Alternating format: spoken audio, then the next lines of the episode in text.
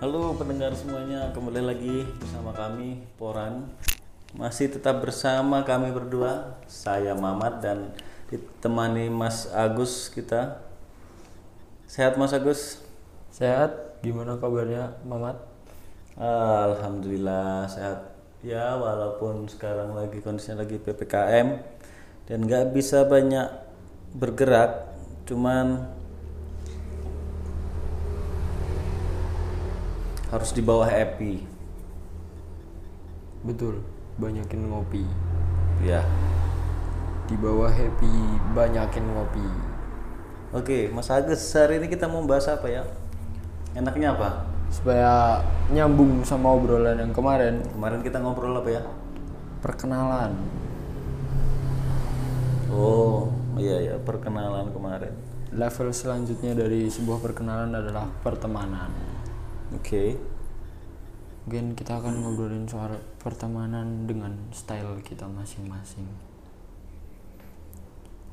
Me- untuk membuka obrolannya mungkin kalau dari aku menurutmu tuh pertemanan yang selama ini kamu jalani itu udah sehat, proper atau belum?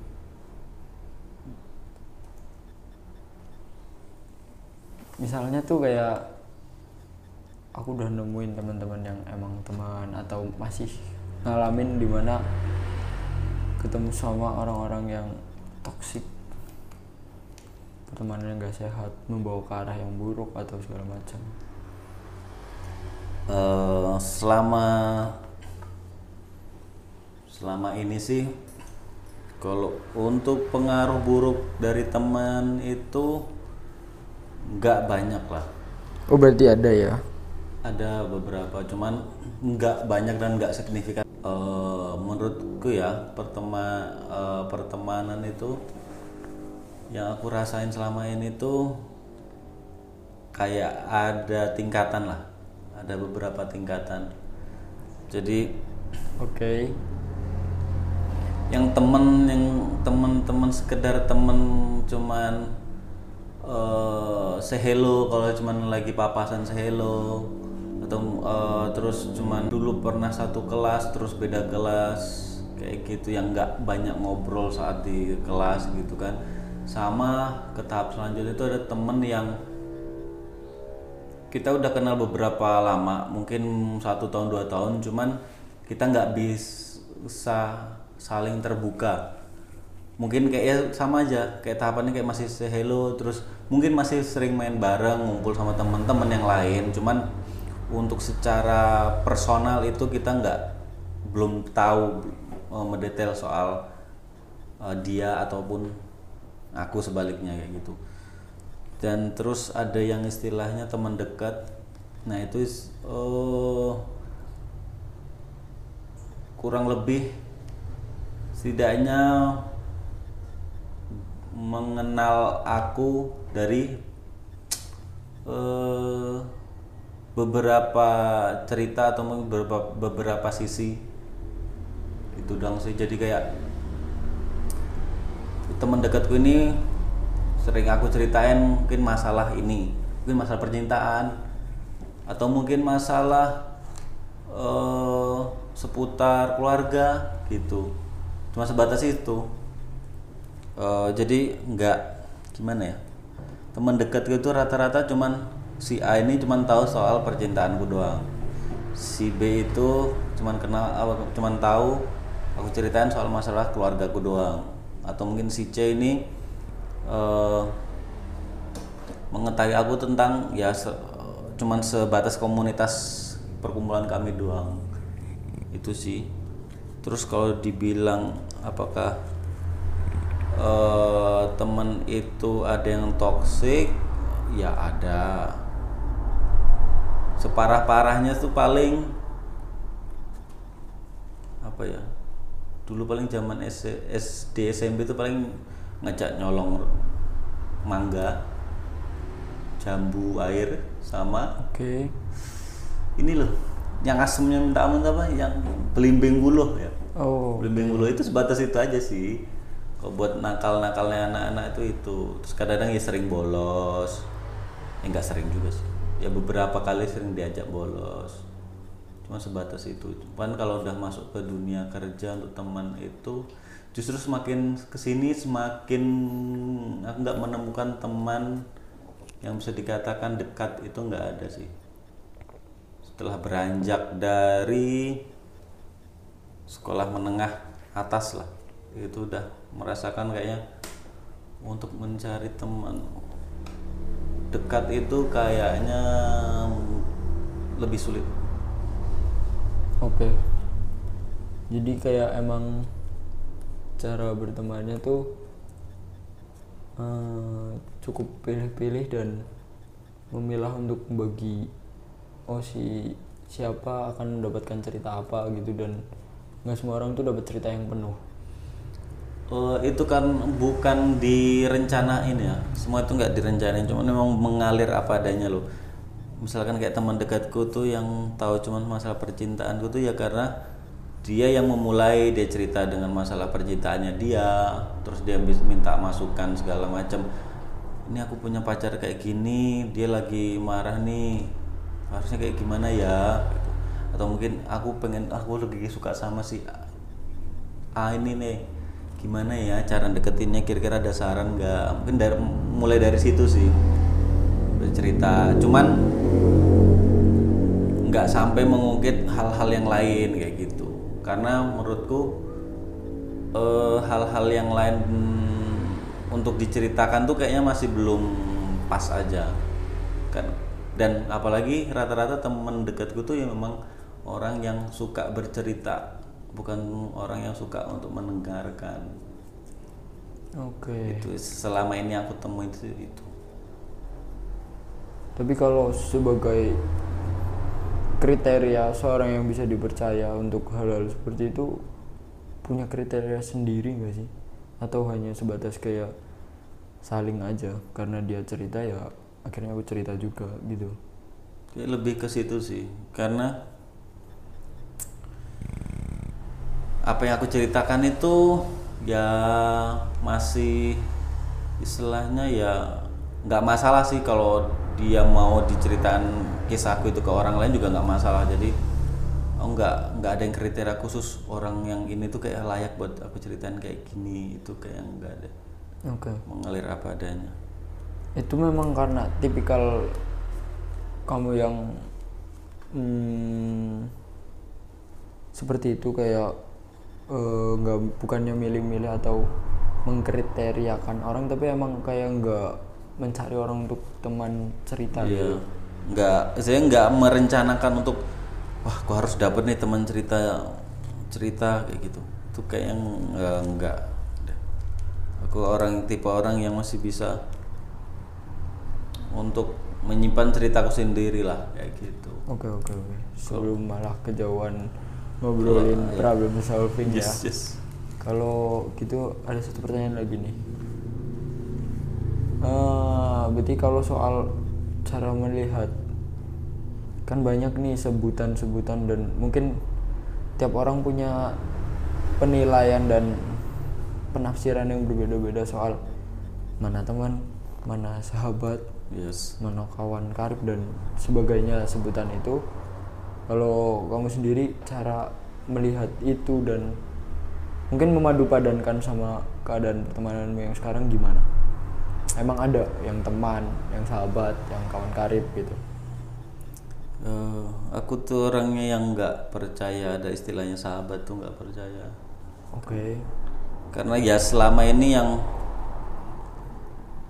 selama ini yang ak- yang aku temui itu ya sekedar cuma sekedar teman dekat rata-rata mereka itu datang itu untuk hanya untuk berkeluh kesah. Terus eh, ya ingin didengarkan minta masukan eh, di saat-saat yang momen mereka lagi sedih atau lagi tersudutkan kayak itu se- sebatas itu sih.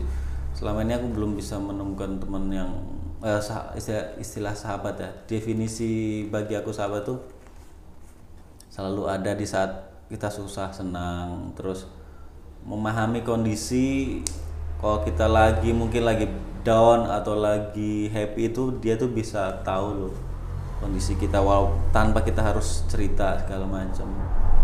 Terus dia mengenal baik karakter kita harus diberlakukan seperti apa suka eh, apa ya suka dan nggak suka kita diperlakukan dengan orang lain tuh dia tahu gitu. tapi selama ini sih nggak. Karena aku pikir terlalu mewah lah istilah sahabat tuh kayak terlalu mewah dan kayak terlalu mustahil ada gitu. Oke. Karena terlalu tinggi sih apa maksud kriteria untuk jadi sahabat tuh kayak di pikiran itu tuh kayak wah, mustahil lah itu ada. Oke. Gitu. Kalau Mas Agus sendiri istilah bagi Mas Agus tuh istilah sahabat itu gimana sih? Gimana ya? Ya sebenarnya jatuhnya semakin bertambahnya umur sih sadar kadang omongan kita sendiri tuh ya kayak menjilat ludah sendirilah. Hmm. ada saat dulu percaya sahabat itu yang ada. Gini gini gini. Iya. Terus ngalamin di mana kayak emang pas nggak bisa apa-apa nggak ada siapa-siapa. Atau mungkin pas lagi ada apa-apanya semua bisa bantu gitu. Akhirnya kayak sekarang ngelihatnya tuh ya teman itu lebih ke arah yang kalau aku menyebut mereka teman ya semua teman. Iya, semua iya. relasi. Cuman belum berani mengatakan mereka itu sahabat tapi minimal aku berani bilang dia ngerti aku. Oke. Nggak nggak berani aku mengatakan dia sahabat karena nyatanya separah parahnya aku nggak punya apa-apa pun itu belum ke titik di mana sampai yang naas atau wah bener-bener Parah banget, down banget ya. Nah, itu belum ke titik itu. Jadi kayak mungkin ya belum kelihatan aja. Mau nyoba Mungkin kalau ada bayarannya, kalau ada bayarannya boleh. Tapi kalau coba-coba berhadiah gitu dong, aduh, skip. takutnya ter- di saat bener-bener down nggak ada yang datang Nah, eh malah nyaman dong. Malah. aduh, repot lagi. malah terlupakan Terus ya mungkin kemudian kalau ngelihat teman itu sebagai relasi ya nyatanya bener juga sih. Semakin banyak teman tuh semakin banyak kemungkinan kita untuk meminta pertolongan. oh iya kalau itu setuju. Minimal emang jelek meminta pertolongan ya, minta bantuan. Tapi ya selama kita juga sadar bahwa kita punya kewajiban untuk timbal balik ya secara nggak langsung ya. Walaupun harusnya ya berteman berteman aja nggak perlu mikirin timbal balik segala macamnya. Tapi tulus. Iya betul jangan panggil aku gajah. Karena kamu kurus. Oke. Kok main fisik ya gitu paling kayak ya belum lah belum berani ngomongin soal siapa sahabatku siapa ini ku tadi balik lagi pertanyaan. Definisi eh, sahabat bagi Mas Agus tuh Kim apa? Ya itu. Karena apa belum sama? terjawab bahwa oh kayak- belum belum menemukan jawaban apa arti itu yang bisa dikatakan sahabat tuh harusnya tuh kayak gini A B C D iya E, F, masih masih masih abu-abu. itu iya karena ya aku belum pernah yang parah banget atau tinggi banget gitu. Belum pernah di bawah banget belum pernah di atas banget. Nggak bisa sih ngelihat. Kan katanya kalau kamu udah di atas banget banyak orang yang yang deketin datang ya. Kamu di bawah banget yang masih dekat itu yang beneran. Nah, itu masih belum bisa kubuktikan.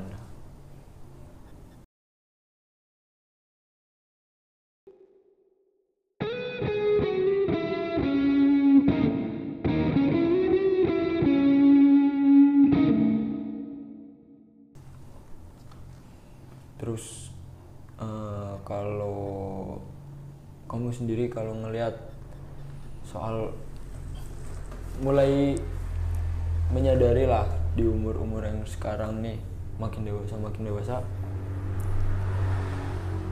circle pertemanan tuh menyempit ya terus. setuju. Kayak mulai lebih ke formalitas. Ya Mm-mm. ya akhirnya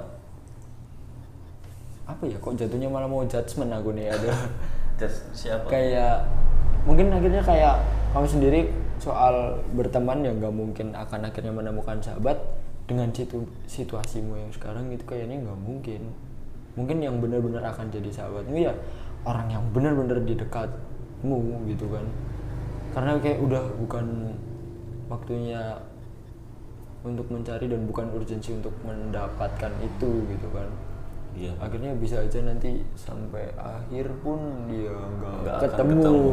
gitu karena memang nggak diusahakan untuk mencari juga sih terus hmm, Circle. mungkin kalau eh, yang aku percaya sih suatu saat tuh akan menemukan eh, pasangan hidup yang akan kamu yakini bahwasanya yaitu dia tuh nggak cuman sebagai istri atau suamimu doang itu yang akan menjadi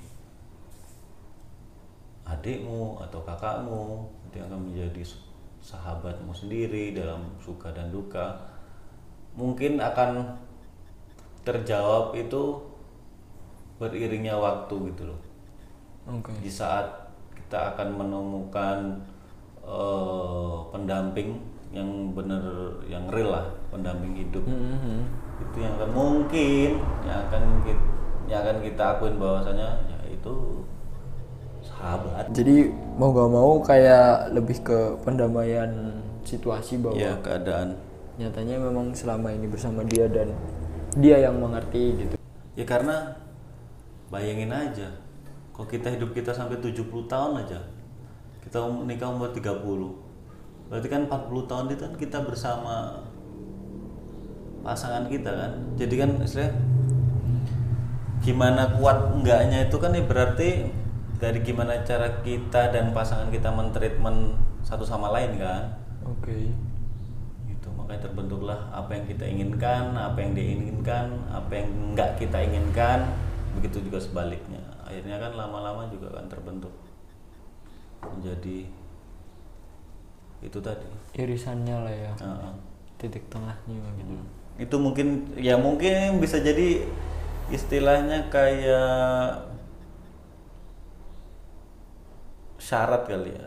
Istilahnya buat jadi syarat untuk kalau kamu ingin langgeng di suatu hubunganmu tuh ya berlakulah seperti itu gitu. Oke. Mungkin ya karena aku juga belum merasakan sampai selama itu. Dan berharap bisa selama itu. Amin. Yuk kita mulai panjatkan doa. Sesuai Kalau- dengan agama masing-masing. Yes. Kalau Mas Agus sendiri gimana? Apakah kelak eh, pendamping hidupmu itu harus menjadi sahabatmu? Oh kalau itu udah pasti bahkan ya sebelum sampai akhirnya Memutuskan untuk iya menjadi meni- tambatan Ah, hati? karena itu kan kita ngikat janji sucinya tuh sama Tuhan juga kan berarti ya jangan buat main-main. Itu udah final dari semua final kasarnya begitu. Walaupun akhirnya akan ketemu masalah bersama tapi bahwa final masalah semuanya ke depannya itu ya dihadapin berdua ya. Dari awal udah harus sama-sama tahu nemuin irisannya itu baik dan buruk. Bareng-bareng lah. Jangan maunya kita domain dia ke domainnya gitu kan kayaknya nggak asik lah.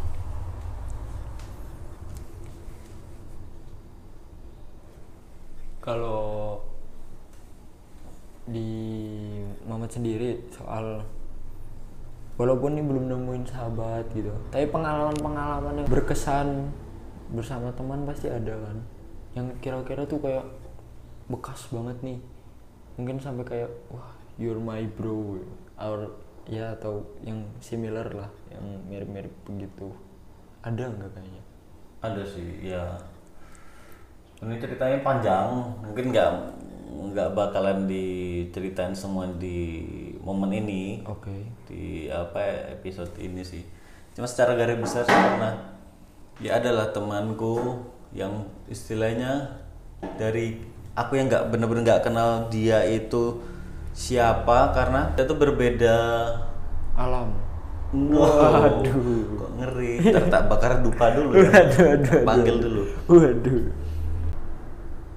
Gak satu kuliah kampus gitu loh. Jadi Oke. kita tuh dipertemukan itu secara nggak nggak langsung di momen di mana ada saudaraku yang minta bantuanku dulu itu buat ngisi dulu kan dia itu pernah bantuin temennya lain itu buat film. Oke. Oke buat film. Nah dia jadi talentnya lah.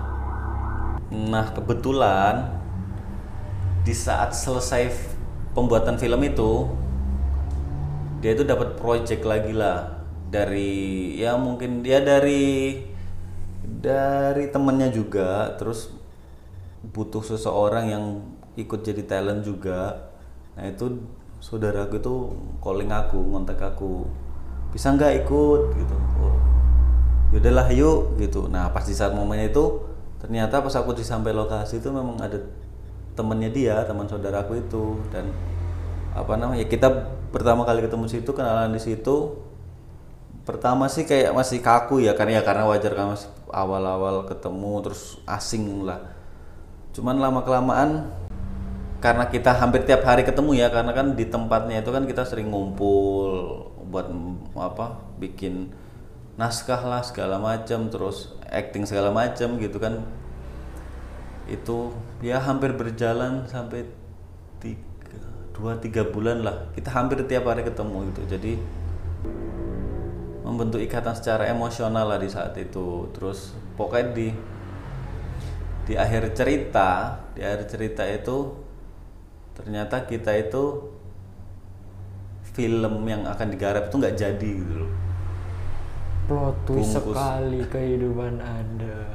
Istilahnya bungkus terus sekarang nggak ada taruhlah nggak ada dana lah. Dan eh, apa namanya nggak begitu jelas arahnya kayak gimana. Akhirnya kita misalnya yang dulu di awal kita itu ngobrol bareng itu kayak kita tuh punya angan-angan tinggi wah ini bakalan film ini bakalan apa masuk layar lebar lah. Oke. terus oke.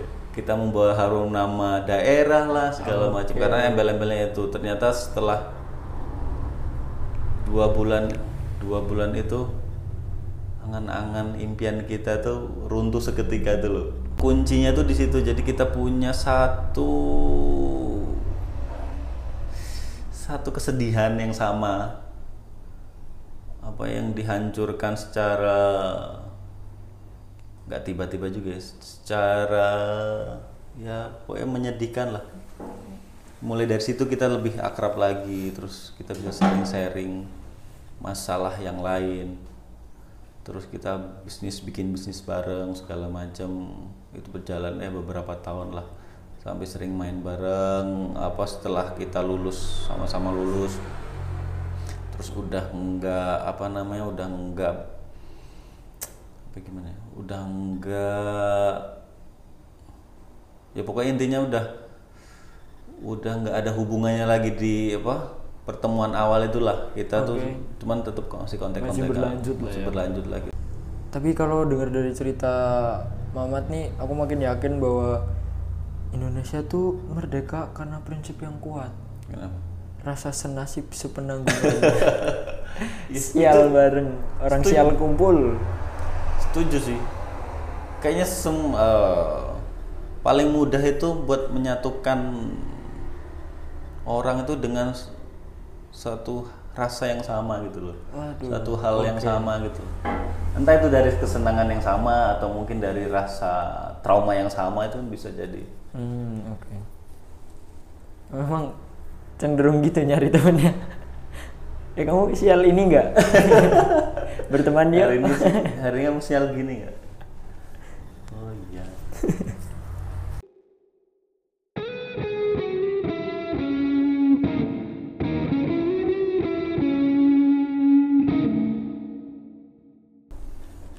Agus sendiri pernah nggak sih punya pengalaman yang sampai sekarang? Dulu tuh punya temen yang akrab banget ke mana-mana mungkin bareng terus ya mungkin tahu sama lain lah. Tapi sekarang itu jadi kayak musuhan atau mungkin saling iri-irian atau mungkin saling ya saling membicarakan satu sama lain di belakang.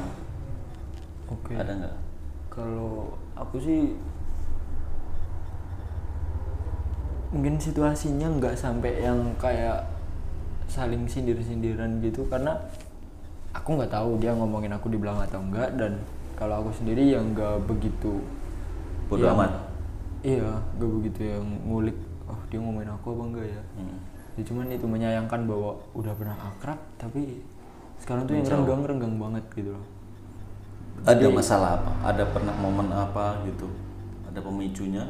Mungkin gue ceritain dikit tuh kayak dulu waktu sekolah ini kami teman dari SMP kelas 2 kelas 3 kami sekelas mulai akrab tuh di kelas 3 sebenarnya.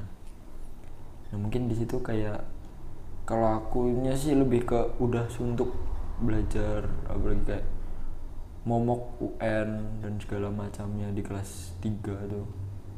Dengan segala macam pressure.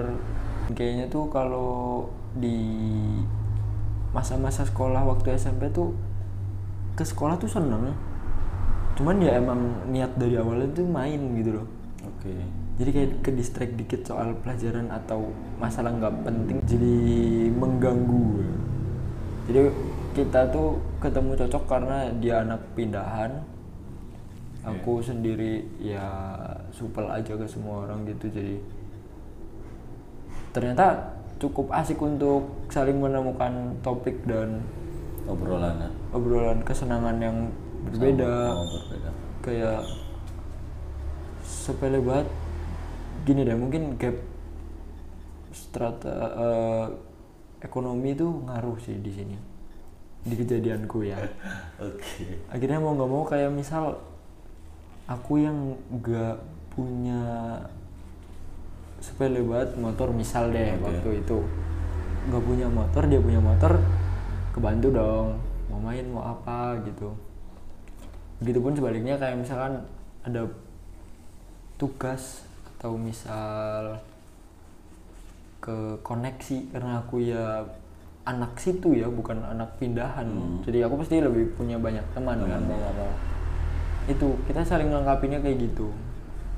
Itu berjalan sampai ke waktu mau masuk SMA oke.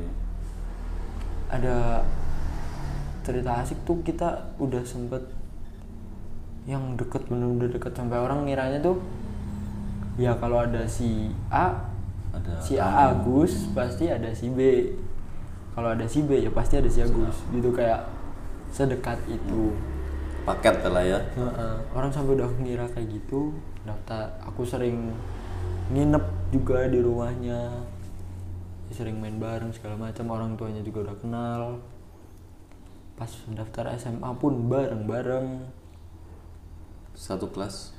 Enggak. akhirnya enggak beda. Akhirnya beda kelas. Cuman ya itu waktu daftar tuh kan posisinya tuh ya ini mungkin senasib sepenanggungannya tuh contoh sepele dari senasib sepenanggungan tuh kita sama-sama orang tuanya nggak bisa datang. Sedangkan di situ notabene harus orang tua yang mendaftarkan. Hmm. kalau aku prinsipnya ya udah kalau nggak boleh masuk SMA-nya yang rugi. Anak pintar ditolak. Iya deh. Nggak apa ini? Nipu. Aduh. Nggak nggak nggak lebih ke kayak ya udahlah namanya usaha dulu gitu. Iya. karena waktu itu orang tuaku mu- sibuk males. Enggak maksudnya sibuk banget anak ada lah sibuk gitu lah. Maaf tuhan. Terus kalau orang tuanya dia tuh eh, PNS yang emang kayak waktunya rutinitas tuh waktu nggak ketemu ya. Betul. daftar. Akhirnya kan bareng-bareng tuh daftar nekat-nekatan berdua doang nekat ternyata lolos. Bisa atas nama atas nama atas nama. Hmm. walaupun agak nggak dipercaya gara-gara takut duitnya nggak keluar ya. Lolos masuk. Eh, sempet kan ada mos ya kalau baru-baru Ah, masuk orientasi siswa. Itu udah mulai mengurang tuh. Apa saling berkabarnya obrolannya. Mungkin ya karena melihatku wajar tuh karena namanya baru dapat kelas baru nih. Dan teman-teman baru banyak iya dan nowhere banget. Akhirnya mungkin menyesuaikan masing-masing nih. Oke. lagi sama-sama menyesuaikan. Tapi makin berjalannya waktu makin beda aja nih malah.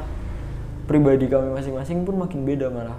Kurasa seperti itu. Justru itu membuat semakin dekat atau menjauh? Semakin jauh. Menjauh mungkin akhirnya eh, contoh bodohnya bahwa ya ini judge pribadi ya. Kalau aku sendiri menilai bahwa dia ketemu dengan circle yang masuk dengan gaya hidupnya akhirnya nggak menemukan orang yang circle apa circle gaya hidupnya tuh beda kayak aku gitu. Akhirnya mulai berubah ya pribadinya lah. Cara kita saling ketemu kita saling ngobrol pun udah mulai aneh. Mm. jadi nggak ketemu nyambungnya lebih Betul. banyak nggak nyambungnya. Terus ya mungkin ya namanya anak SMA gitu kayak pamor tuh penting. Mungkin di situ juga yang bikin renggang tuh. Akhirnya ingin "Oh, aku jago loh di ini. Oh aku kelasku tuh gini apa segala macam. Kalau di zamanku Hmm. ngalaminnya seperti itu kayak sedangkan kalau aku sendiri nggak mentingin kelas kayak lebih. Ya mungkin karena ketanam dari kelas 3 SMP itu udah males soal apa ya udah capek kayak belajar dan segala macamnya. Akhirnya saatnya bermain. Ya itu. Dan kenal banyak orang gitu ya. iya lebih nyaman di situ. Jadi akhirnya kayak bodo amat bodo amat. Dia lebih ke yang mendekatkan diri dengan circle-circle yang sefrekuensi dengan dia.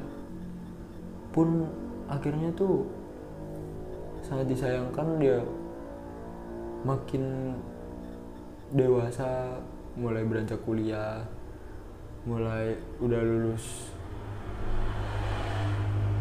SMA tuh yang berkabarnya tuh benar-benar kalau ada butuhnya? Hari raya. Hari raya eh, dianya atau uh, aku yang ngabarin dia sih lebih Oh. sih ya mungkin gak tahu persis lah gimana tapi sering kali momen hari raya tuh momen untuk saling berkabar. Biasanya kan habis itu udah selesai hilang nah lagi. itu. Mulai dari nol ya. Nolnya benar-benar nol tanpa komunikasi sama sekali. Udah kayak SPBU ya. Kalau eh, Mamat sendiri pernah ngalamin yang sama. Pernah ngalamin Eh, dulu kalau dibilang temen dekat sih sebenarnya enggak. Eh, dulu tuh kan sempat ya namanya masih muda ya masih masih sok-sokan pengen belajar ini pengen belajar itu. Dulu tuh oke. sempat ada kumpul apa kita itu eh, buka, bikin band. Wah kayaknya keren nih kita kalau bikin band walaupun walaupun kita itu yang bener-bener nggak tahu megang alat musik sama sekali dari Oke, situ. dari nol ya? Dari nol bener-bener dari nol. Yang saya ngumpulin uang buat beli gitar ada yang buat Anjret. beli apa bass. Oke. Kayak gitu. Bener-bener dari nol. Terus kan eh, udah kita udah mulai saling belajar sendiri-sendiri gitu. Kadang-kadang kita bikin apa sewa studio band itu menyewa jam dua jam gitu kan udah mulai kayaknya wah boleh nih kalau misalkan ada momen ada momen event apa gitu kita tampil cuman kendalanya kita nggak ada vokalis. Oke. Nah akhirnya pas pas dilalah ke bahasa Jawa dilalah pas kebetulan oke. itu teman sekelas kita tuh ada yang pinter. Ya suaranya bagus lah. Dia memang misalnya udah sering manggung lah. Nah itu akhirnya kita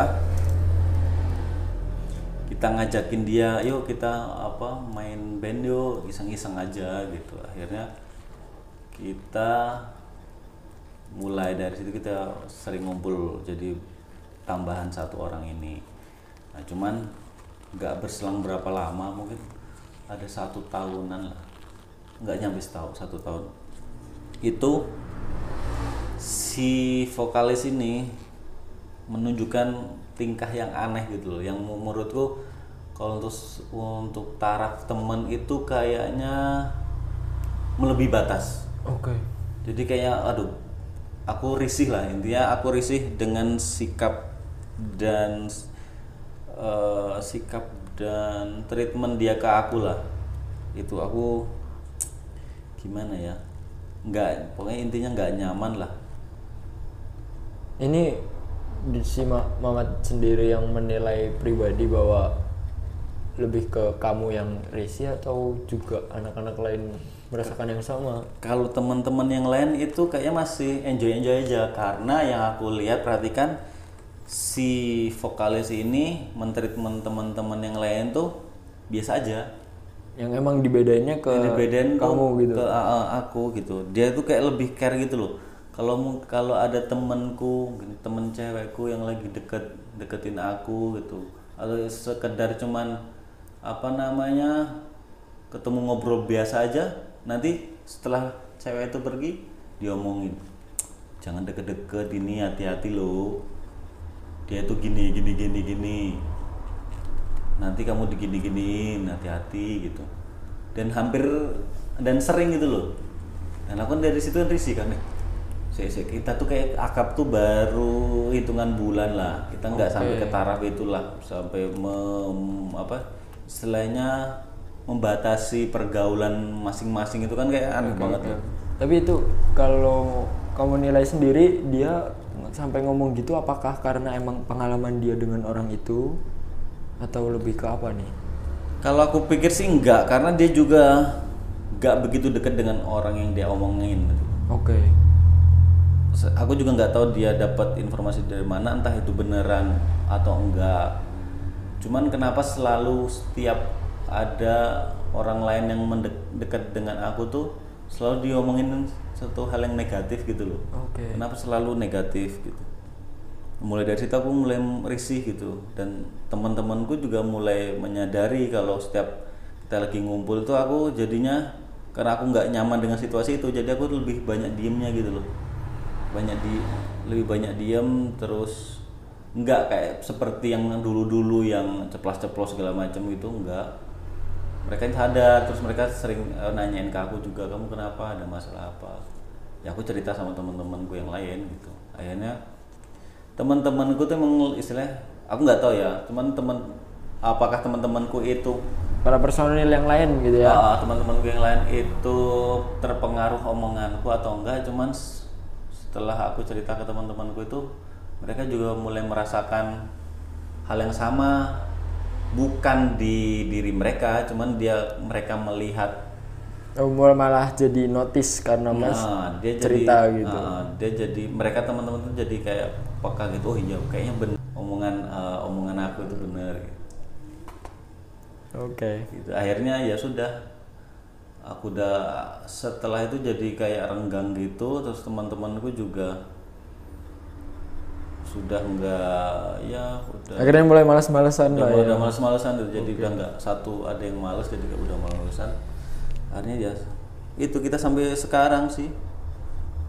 Nggak kayak kayak ada masalah yang belum ya bukan ter- belum terselesaikan juga cuma ada sesuatu hal yang nggak bisa diselesaikan.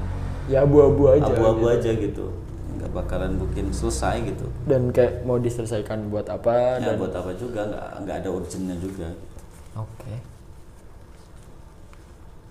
mungkin gitu kali pengalaman-pengalaman kecil kita Yes. Sebenarnya masih banyak ya. Mungkin bisa kita ceritakan di episode episode selanjutnya episode selanjutnya. jadi dengerin terus poran bersama Agus dan Mamat di Sokin bye bye